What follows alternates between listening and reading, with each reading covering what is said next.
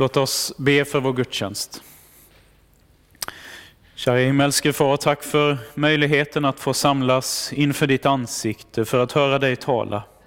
Vi ber om att du med din Ande kommer och öppnar våra hjärtan och våra sinnen för dig och ditt ord så att vi hör och tar emot vad du har att ge denna stund. Vi lägger oss och denna gudstjänst i dina händer. I Jesu namn. Amen.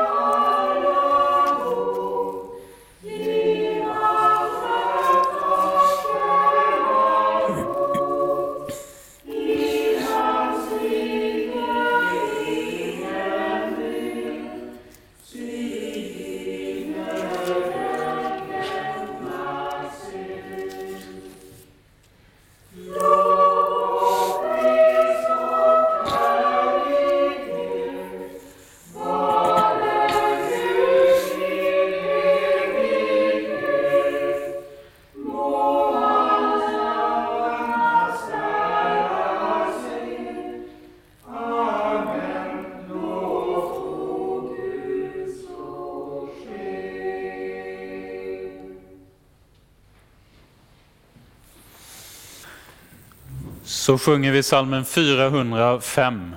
405.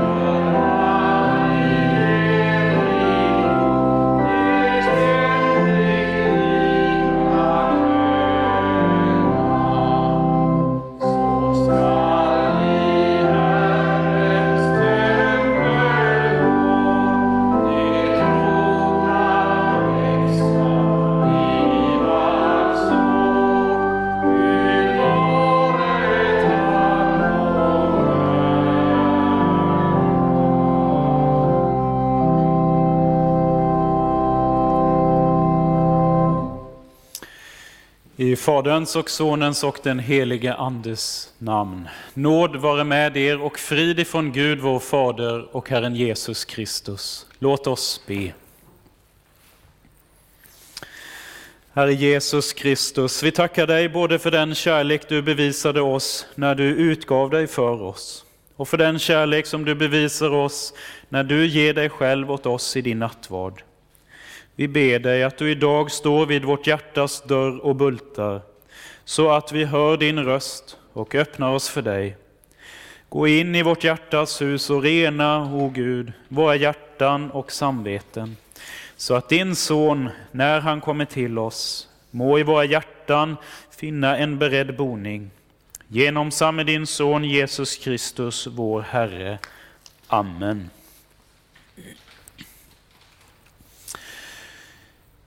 I dagens episteltext så skriver aposteln Johannes Gud är ljus och inget mörker finns i honom. Om vi säger att vi har gemenskap med honom och vandrar i mörkret så ljuger vi och sanningen och handlar inte efter sanningen.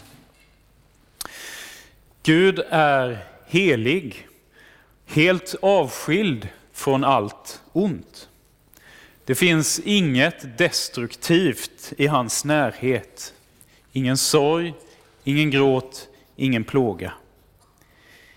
Inget syndigt och ont kan vara eller bestå inför honom i hans närhet.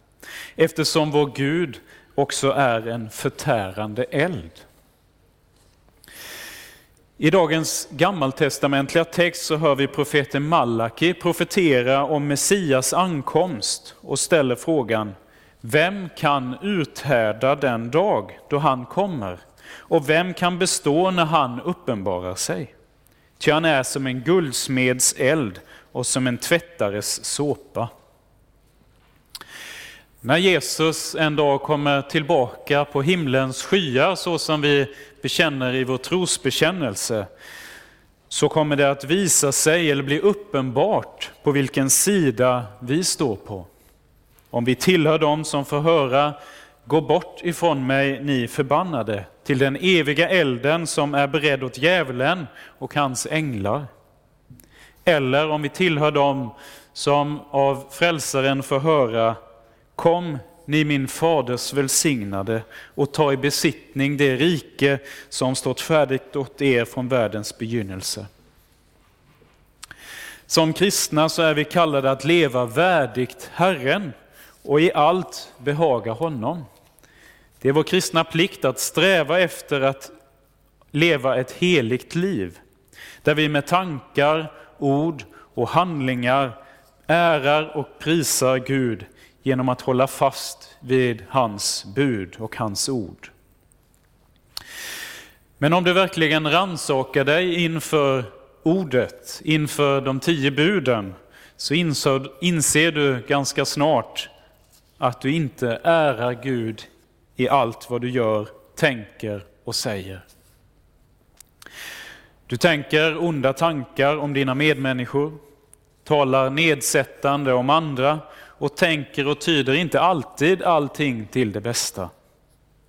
Du ser med begär på någon eller något och lever inte helt och hållet ett rent liv.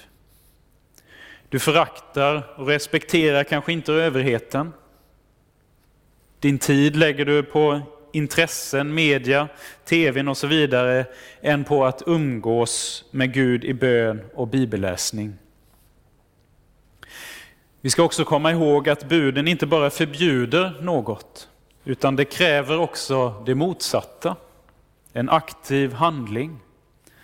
Och här faller varje människa, för det finns ingen som i sig själv är rättfärdig, inte en enda. Alla har vi syndat och saknar härligheten från Gud. Men denna härligheten från Gud som vi saknar, den finns nu genom Jesus tillgänglig för var och en som omvänder sig och tror Guds ord och löften. För genom sin tro på Jesus står den som tror som rättfärdig inför Gud utan att ha förtjänat det. Eftersom Jesus har friköpt och förklarat den ogudaktige och orättfärdige men troende människan för rättfärdig, helig och syndfri. Om vi vandrar i detta evangeliets ljus, omvänder oss och söker Guds nåd och förlåtelse för våra synder, så har vi genom vår tro gemenskap med Sonen och äger tack vare honom syndernas förlåtelse, frid med Gud och löfte om evigt liv.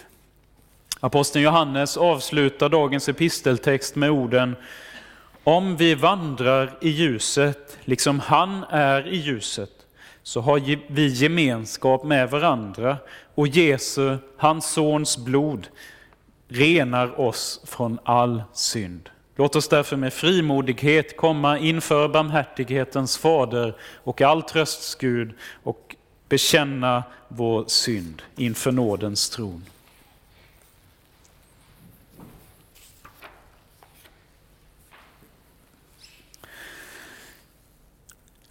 Jag, fattig, syndig människa, bekänner inför dig, helige och rättfärdige Gud, att jag som är född med synd på många sätt har brutit emot dig. Jag har inte älskat dig över allting och inte min nästa som är själv. Mot dig och dina bud har jag syndat med tankar, ord och gärningar. Jag är värd att förkastas från ditt ansikte om du skulle döma mig som mina synder har förtjänat. Men du, käre himmelske Fader, har lovat att med mildhet och nåd ta emot alla som vänder sig till dig. Du förlåter dem allt vad de har brutit och försummat och tänker inte mer på deras synder. Detta litar jag på när jag nu ber dig om förlåtelse för min frälsares Jesu Kristi skull.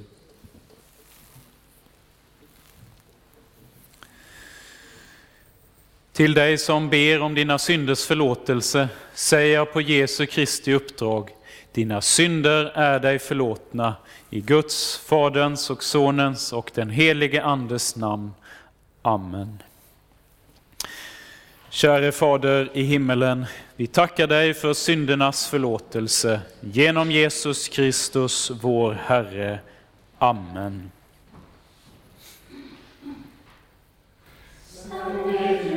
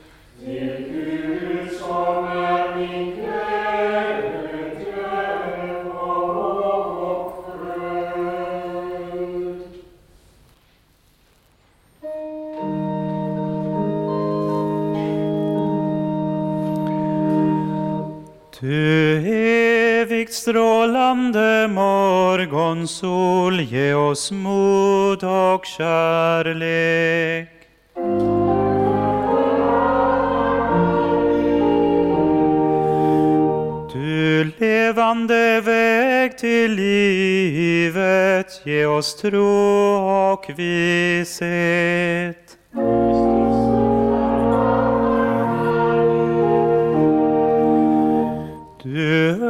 öppna port till salighet, ge oss hopp och lycka.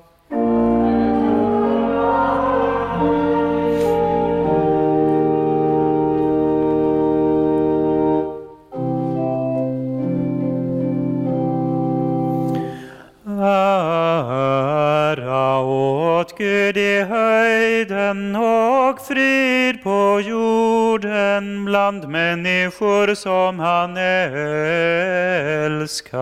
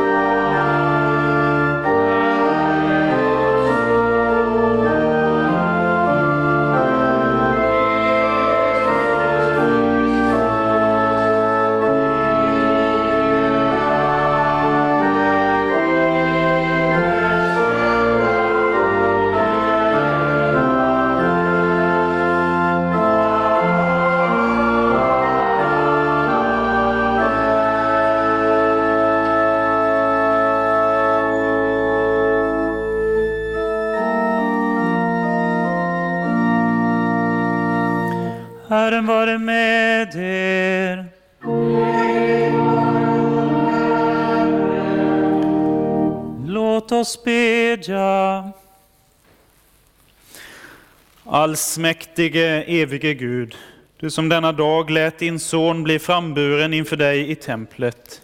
Ge oss, dina barn, rena hjärtan, så att vi alltid kan komma inför dig, trygga och dig behagliga genom din son Jesus Kristus, vår Herre, som med dig och den helige Ande lever och regerar i en gudom från evighet till evighet. Amen. Hör Herrens ord idag på kyndelsmässodagen eller Jungfru Maria kyrkogångsdag. Den gammaltestamentliga texten är hämtad ifrån Malakis tredje kapitel på första årgångens läsningar. Se, jag ska sända min budbärare och han ska bereda vägen för mig. Och den Herre som ni söker ska plötsligt komma till sitt tempel, förbundets ängel som ni längtar efter. Se, han kommer, säger Herren Sebot. Men vem kan uthärda den dag då han kommer, och vem kan bestå när han uppenbarar sig? Ty han är som en guldsmeds eld och som en tvättares såpa. Likt en guldsmed skall han sätta sig ner och rena silvret. Han ska rena Levi söner, luttra dem som guld och silver, så att de kan bära fram åt Herren en offergåva i rättfärdighet. Då skall offergåvorna från Juda och Jerusalem behaga Herren, som i forna dagar och gångna år.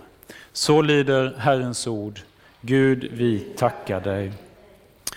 Så får vi lyssna till kören som ska sjunga för oss och den som önskar och vill får gärna vara med i omkvädet.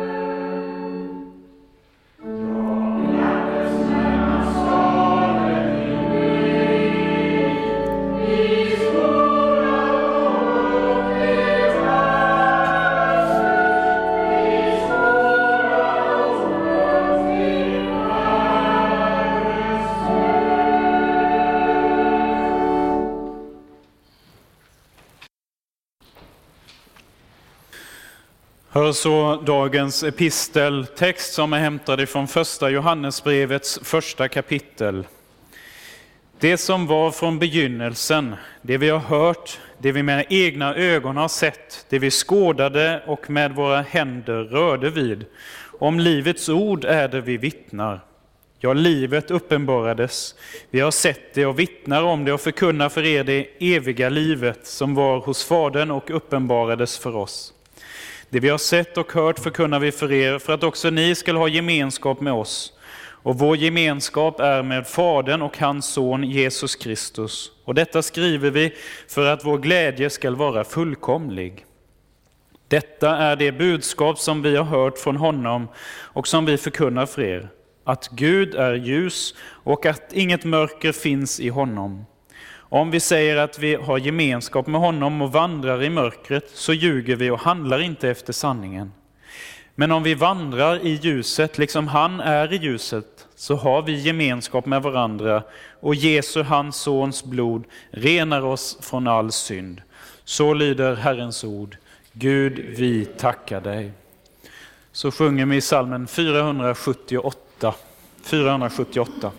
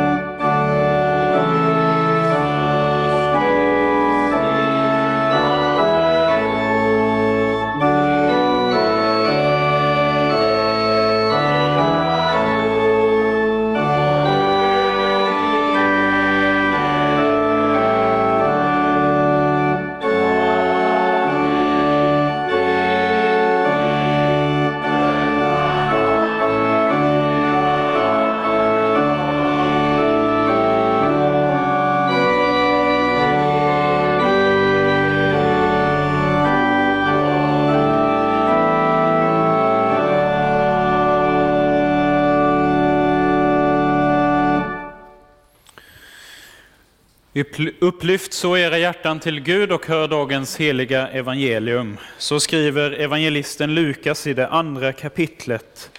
Och detta evangelium läses varje årgång. När tiden för deras rening var förbi, den som var föreskriven i Mose lag, förde Josef och Maria barnet Jesus upp till Jerusalem för att bära fram honom inför Herren, som det var befallt i Herrens lag. Varje förstfödd son som upp öppnar moderlivet skall räknas som helgad åt Herren. De skulle även offra ett par turturduvor och två unga duvor enligt Herrens lag. På den tiden fanns i Jerusalem en man som hette Simeon. Han var rättfärdig och gudfruktig och väntade på Israels tröst, och den helige ande var över honom. Och av den helige ande hade han fått den uppenbarelsen att han inte skulle se döden förrän han hade sett Herrens mode. Ledd av anden kom han till templet, och när föräldrarna bar in barnet Jesus för att göra med honom som det var sed enligt lagen, tog han honom i sina armar och prisade Gud och sade, Herre, nu låter du din tjänare sluta sina dagar i frid så som du har lovat. Ty mina ögon har sett din frälsning som du har berättat skådas av alla folk, ett ljus som skall uppenbaras för hedningarna och en härlighet för ditt folk Israel.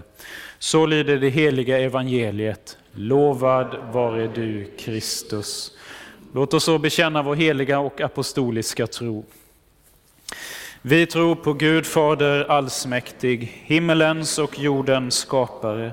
Vi tror också på Jesus Kristus, hans enfödde Son, vår Herre, vilken är avlad av den helige Ande, född av jungfrun Maria, pinad under Pontius Pilatus, korsfäst, död och begraven, nederstigen till dödsriket, på tredje dagen uppstånden igen ifrån de döda, uppstigen till himmelen, sittande på allsmäktig Gud Faders högra sida, därifrån igenkommande till att döma levande och döda. Vi tror och på den helige Ande, en helig allmännelig kyrka, det heligas samfund, syndernas förlåtelse, det dödas uppståndelse och ett evigt liv. Så sjunger vi salmen 403, vers 3 och 4. 403, vers 3 och 4.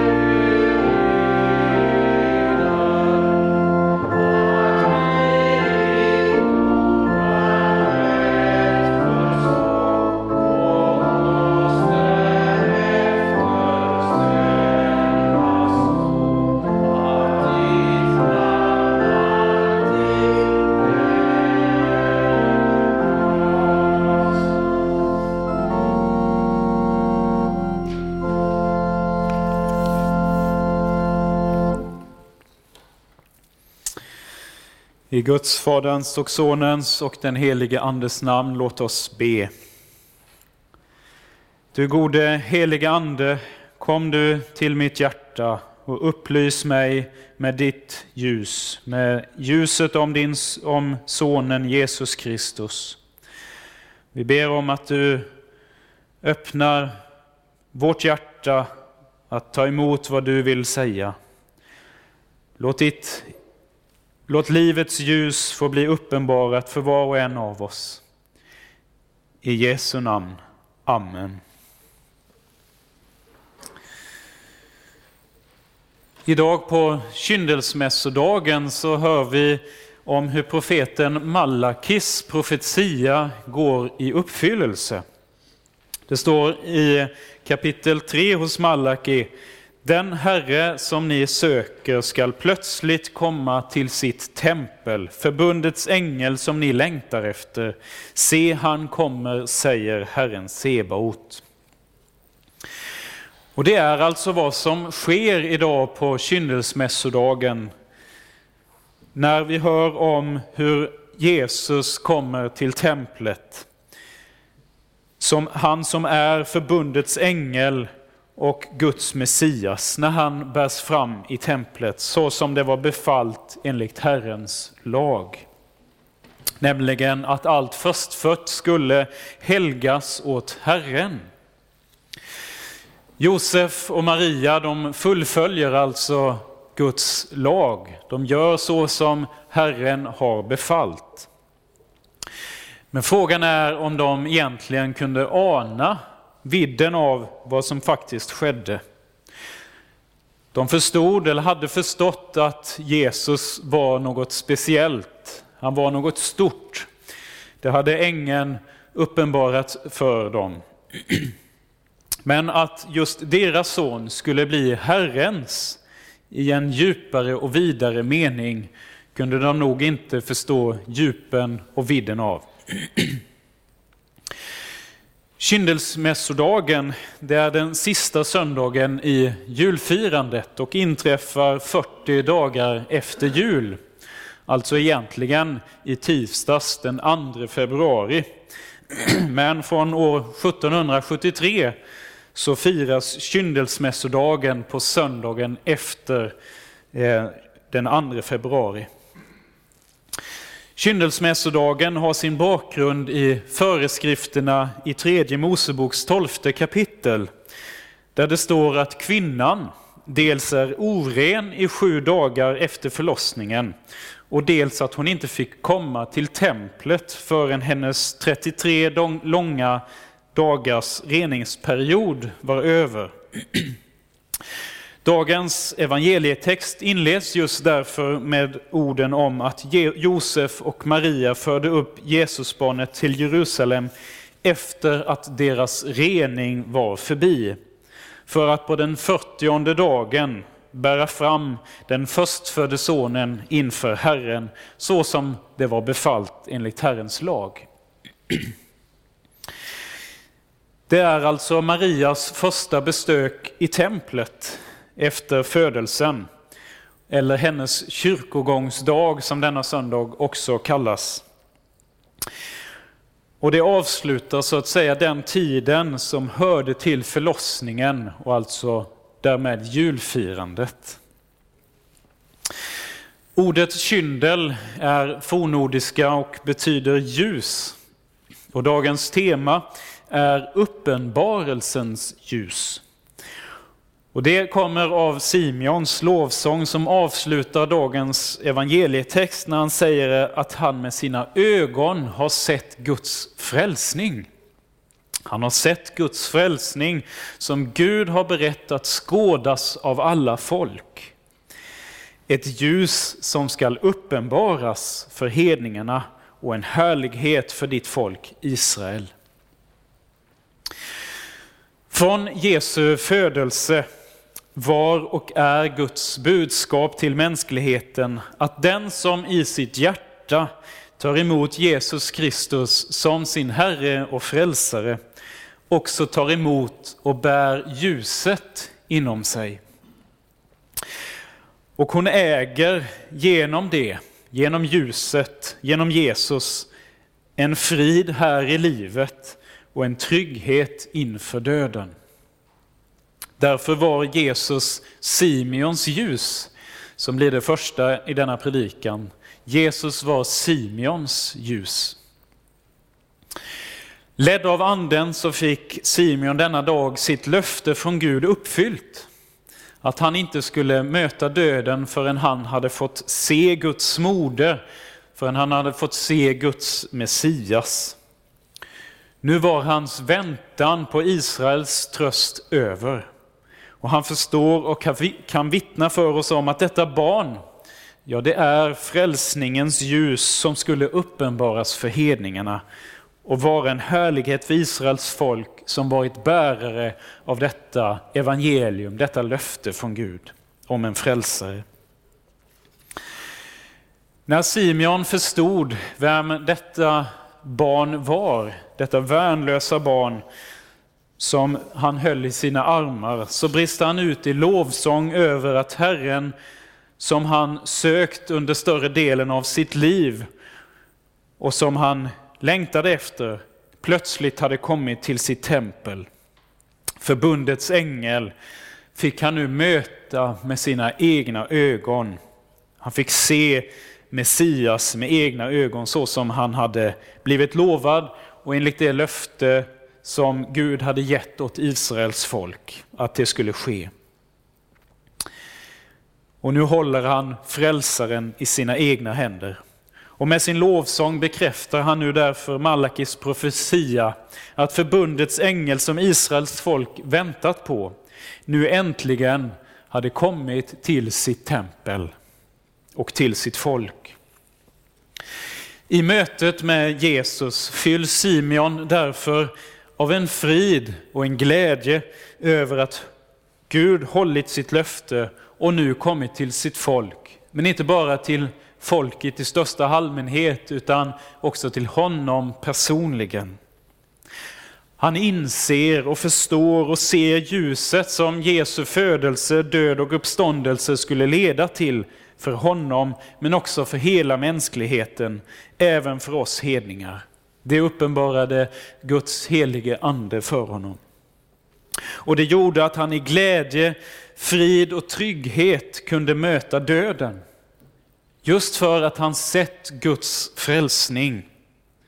Guds försoning, hans nåd och förlåtelse, ja livets ljus hade alltså uppenbarats för honom och han kunde nu därför i trygghet sluta sina dagar i frid.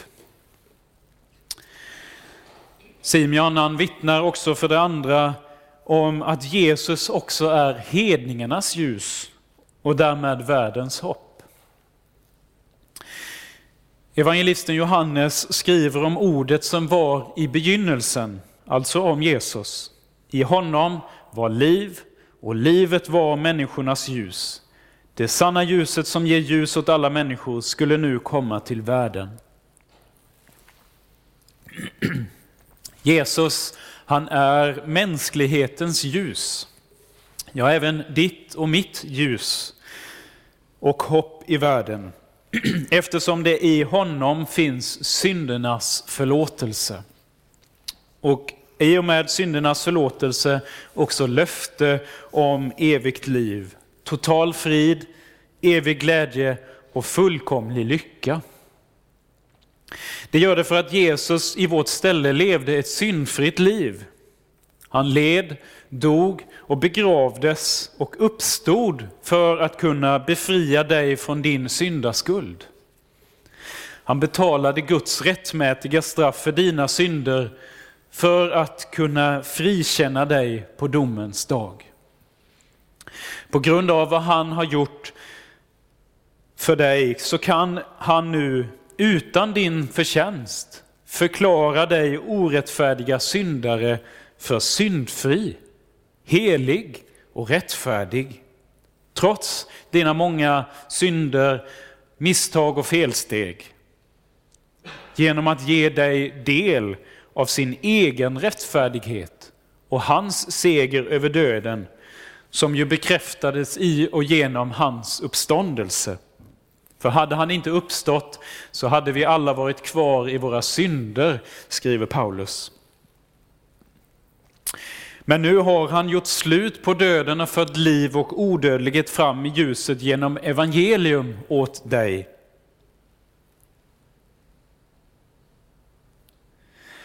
Och detta odödlighetens liv erbjöds nu varje människa som omvänder sig, tror Guds ord och löften och genom dopet blir förenad med Jesus och i honom mottar all den himmelska världens andliga välsignelse. Jesus, frälsaren själv, han säger jag är uppståndelsen och livet. Den som tror på mig ska leva om han än dör. Och han förkunnar ett underbart evangelium när han säger att den som hör mitt ord och tror på honom som har sänt mig, han har evigt liv och kommer inte under domen utan har övergått från döden till livet. Det vill säga på uppståndelsens morgon, när du ställs inför den eviga domen och ska avlägga räkenskap för ditt liv. Då kommer du som tror på Jesus, har lagt ditt liv i hans händer och omvänt dig till honom och förtröstar på hans rättfärdighet, hans rättfärdiggörelse av dig, syndare, inte drabbas av en fällande dom. För din synd, den är redan försonad och du äger genom tron Guds egen rättfärdighet. Din synd, den har kastats i glömskans hav och du står som rättfärdig utan att ha förtjänat det av hans nåd därför att Jesus Kristus har friköpt dig när han led och dog på korset för dina synders skull. I detta evangelium så möter vi ett underbart ljus och ett hopp för oss syndare.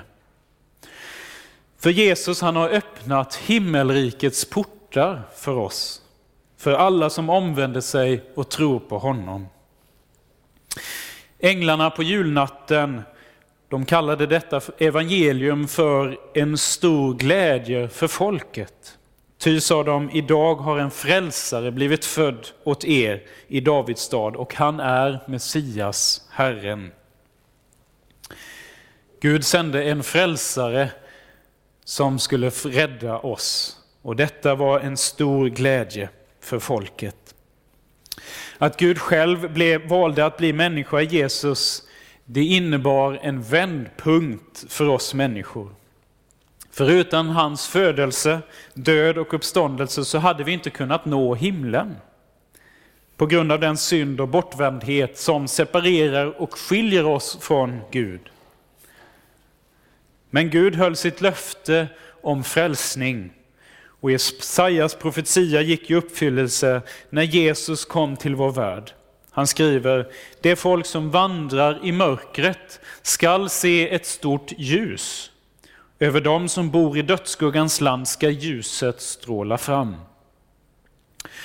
Utan Gud och utan gemenskap med honom så bor vi i dödsskuggans land, eftersom vi vandrar i syndens mörker. Långt ifrån alla människor ser och förstår det. Det är först när man tänder ljuset som man verkligen ser vad som är omkring oss. Men annars ser vi och inser vi att sorg, gråt, smärta, ångest, död och så vidare, det finns här i livet. Det finns något destruktivt, nedbrytande i världen som vi inte kan bli kvitt. Och för vissa är detta mer påtagligt än andra. Men när Guds helige ande genom Guds ord får uppenbara det verkliga ljuset som Jesus kommit med. Livets ljus som är Jesus. Ja, då inser vi samtidigt också mer och mer hur djupt in i mörkret vi som syndiga människor egentligen sitter. Vi blir mer och mer medvetna om syndens alla fläckar. Och vi förstår hur beroende vi är av Jesus som frälsare. Därför är evangeliet om Jesu födelse en stor glädje för folket, för dig och mig. Det finns en frälsning från syndens mörker. Och när den helige Ande genom ordet får visa på Jesus, ja då öppnas också dörren till det eviga livet. Och ett ljus strålar fram som förmår att fylla oss med frid och glädje. En frid och glädje som världen inte kan ge. En glädje och frid som främst ligger i syndernas förlåtelse och löfte om evigt liv. Men också i att vi är älskade, värdefulla och betydelsefulla inför Gud. Och det gör att vi kan slappna av i vårt förhållande inför människor. För vi behöver inte jaga likes på sociala medier och vara omtyckta och accepterade av alla.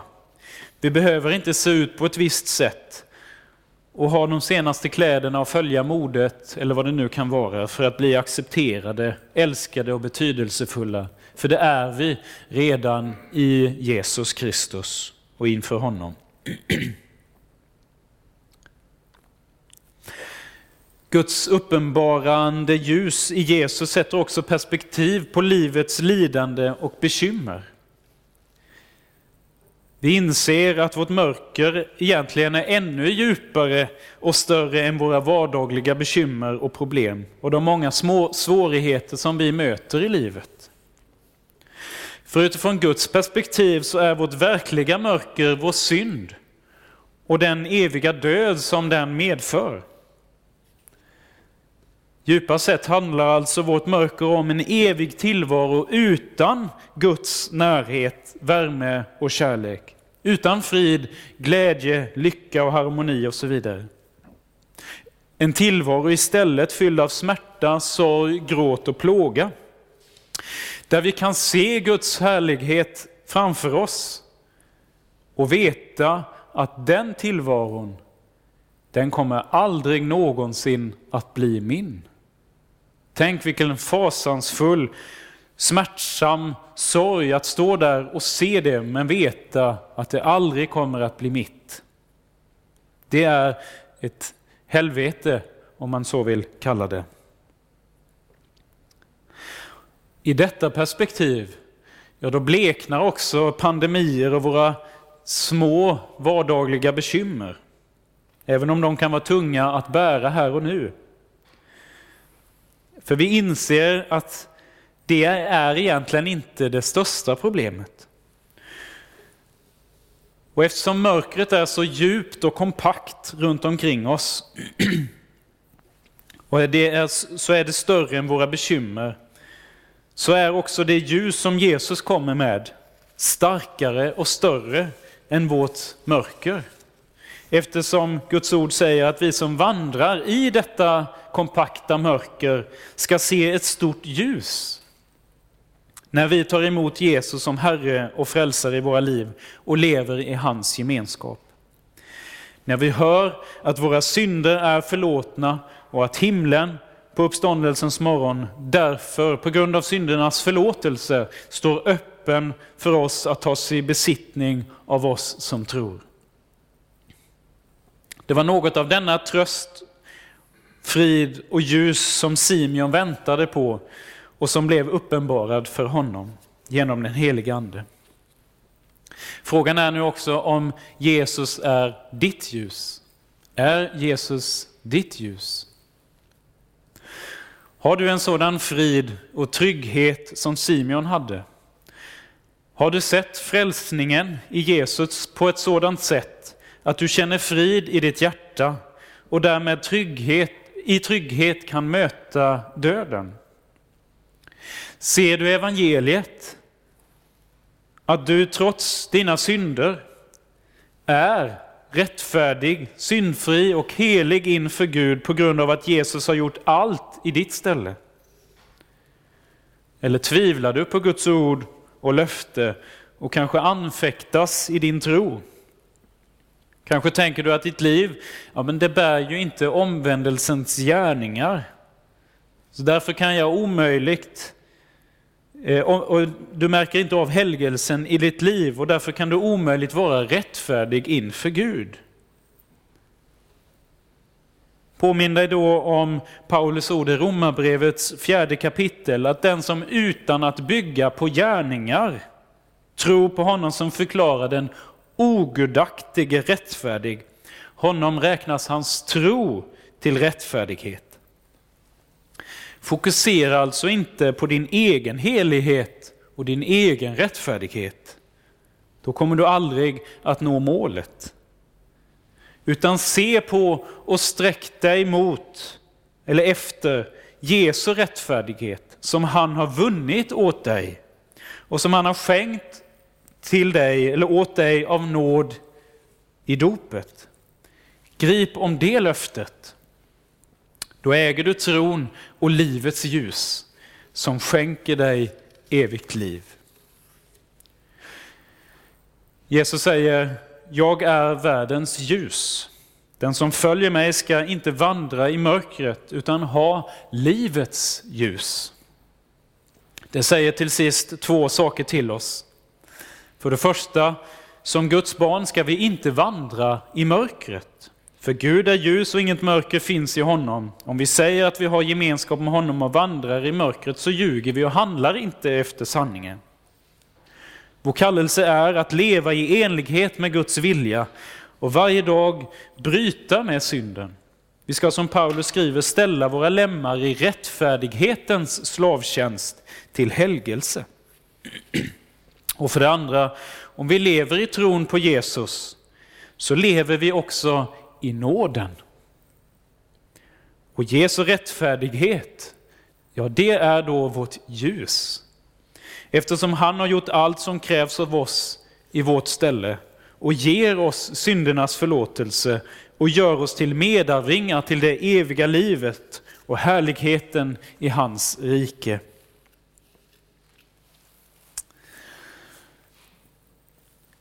Gud har idag velat visa oss på en frid och en trygghet som världen inte kan ge. Ett ljus för oss hedningar som sitter i dödsskuggans dal. Och Simeon han har fått vittna för oss om detta uppenbarelsens ljus som han fick se och vilken trygghet i livet och vilken frid inför döden tron på Jesus medför. Att Jesus har gjort allt i mitt ställe.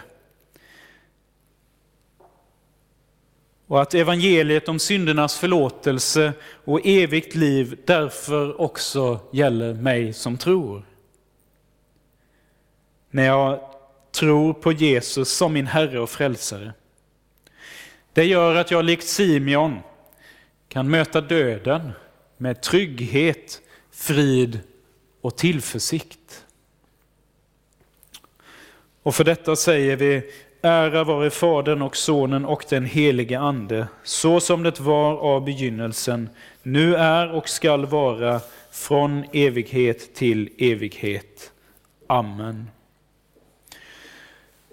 Så önskar jag att Guds frid som övergår allt förstånd bevarar era hjärtan och era tankar hos Jesus Kristus, vår Herre. Amen så sjunger vi salmen 349, vers 2-4. 349, 2-4.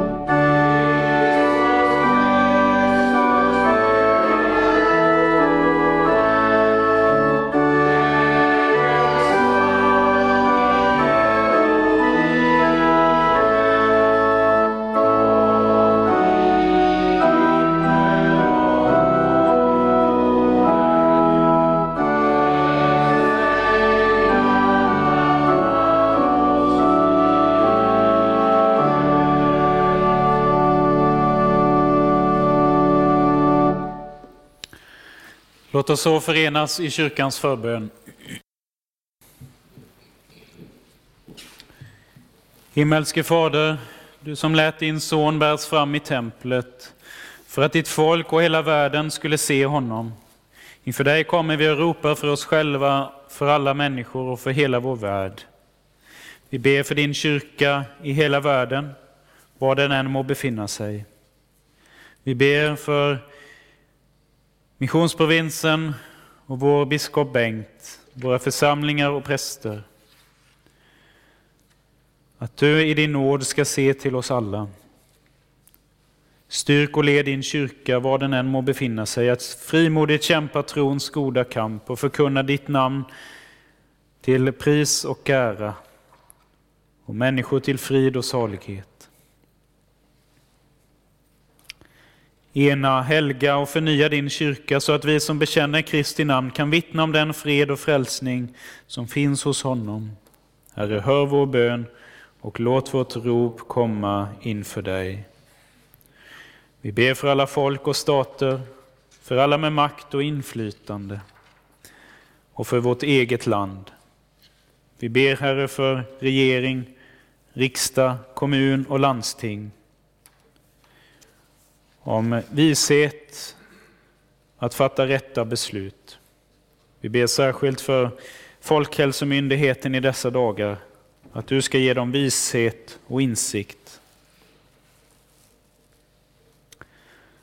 Låt fred och rättvisa råda bland alla folk, så att människor lever för varandra och söker det gemensamma bästa.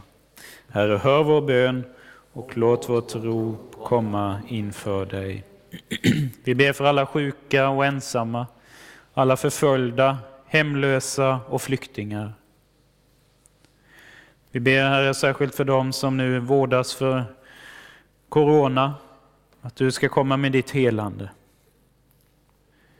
Vi ber om ditt beskydd för oss själva, för våra nära och kära och för dem som jobbar inom vården. Vi ber att du också ska vara med dem i deras tuffa uppgift.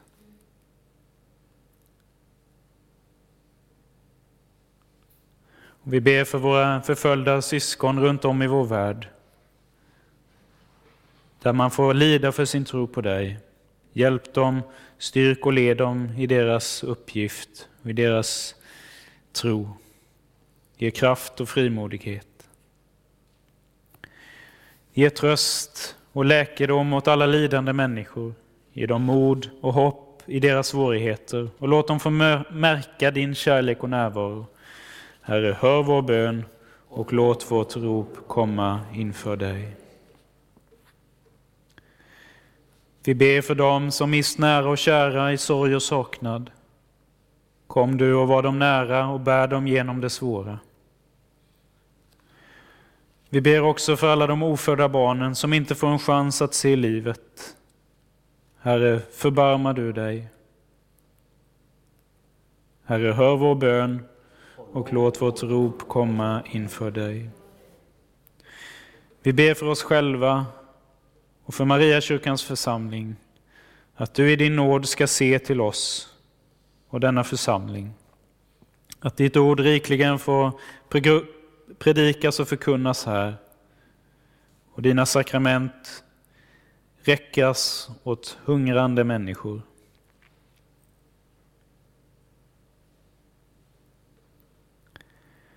Skänk oss din nåd så att vi tjänar Kristus i varandra och älskar så som han har älskat oss.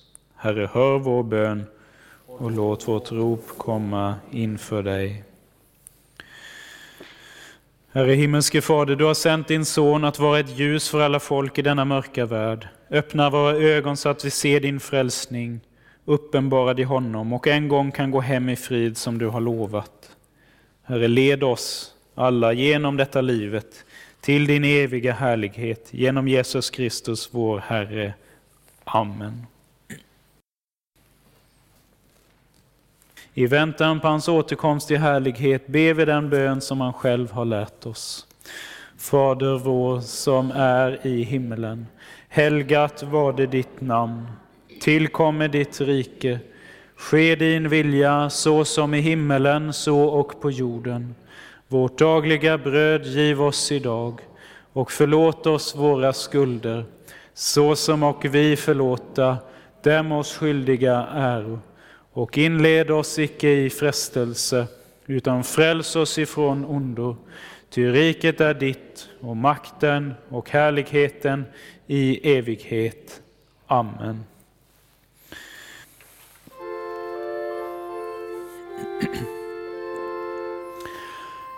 Låt oss tacka och lova Herren.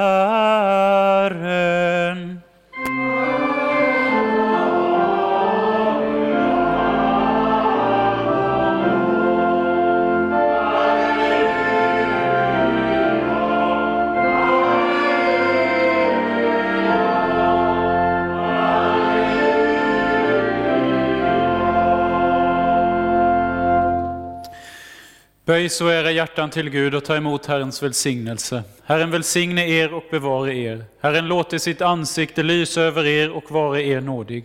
Herren vände sitt ansikte till er och give er frid. I Guds, Faderns och Sonens och den helige Andes namn.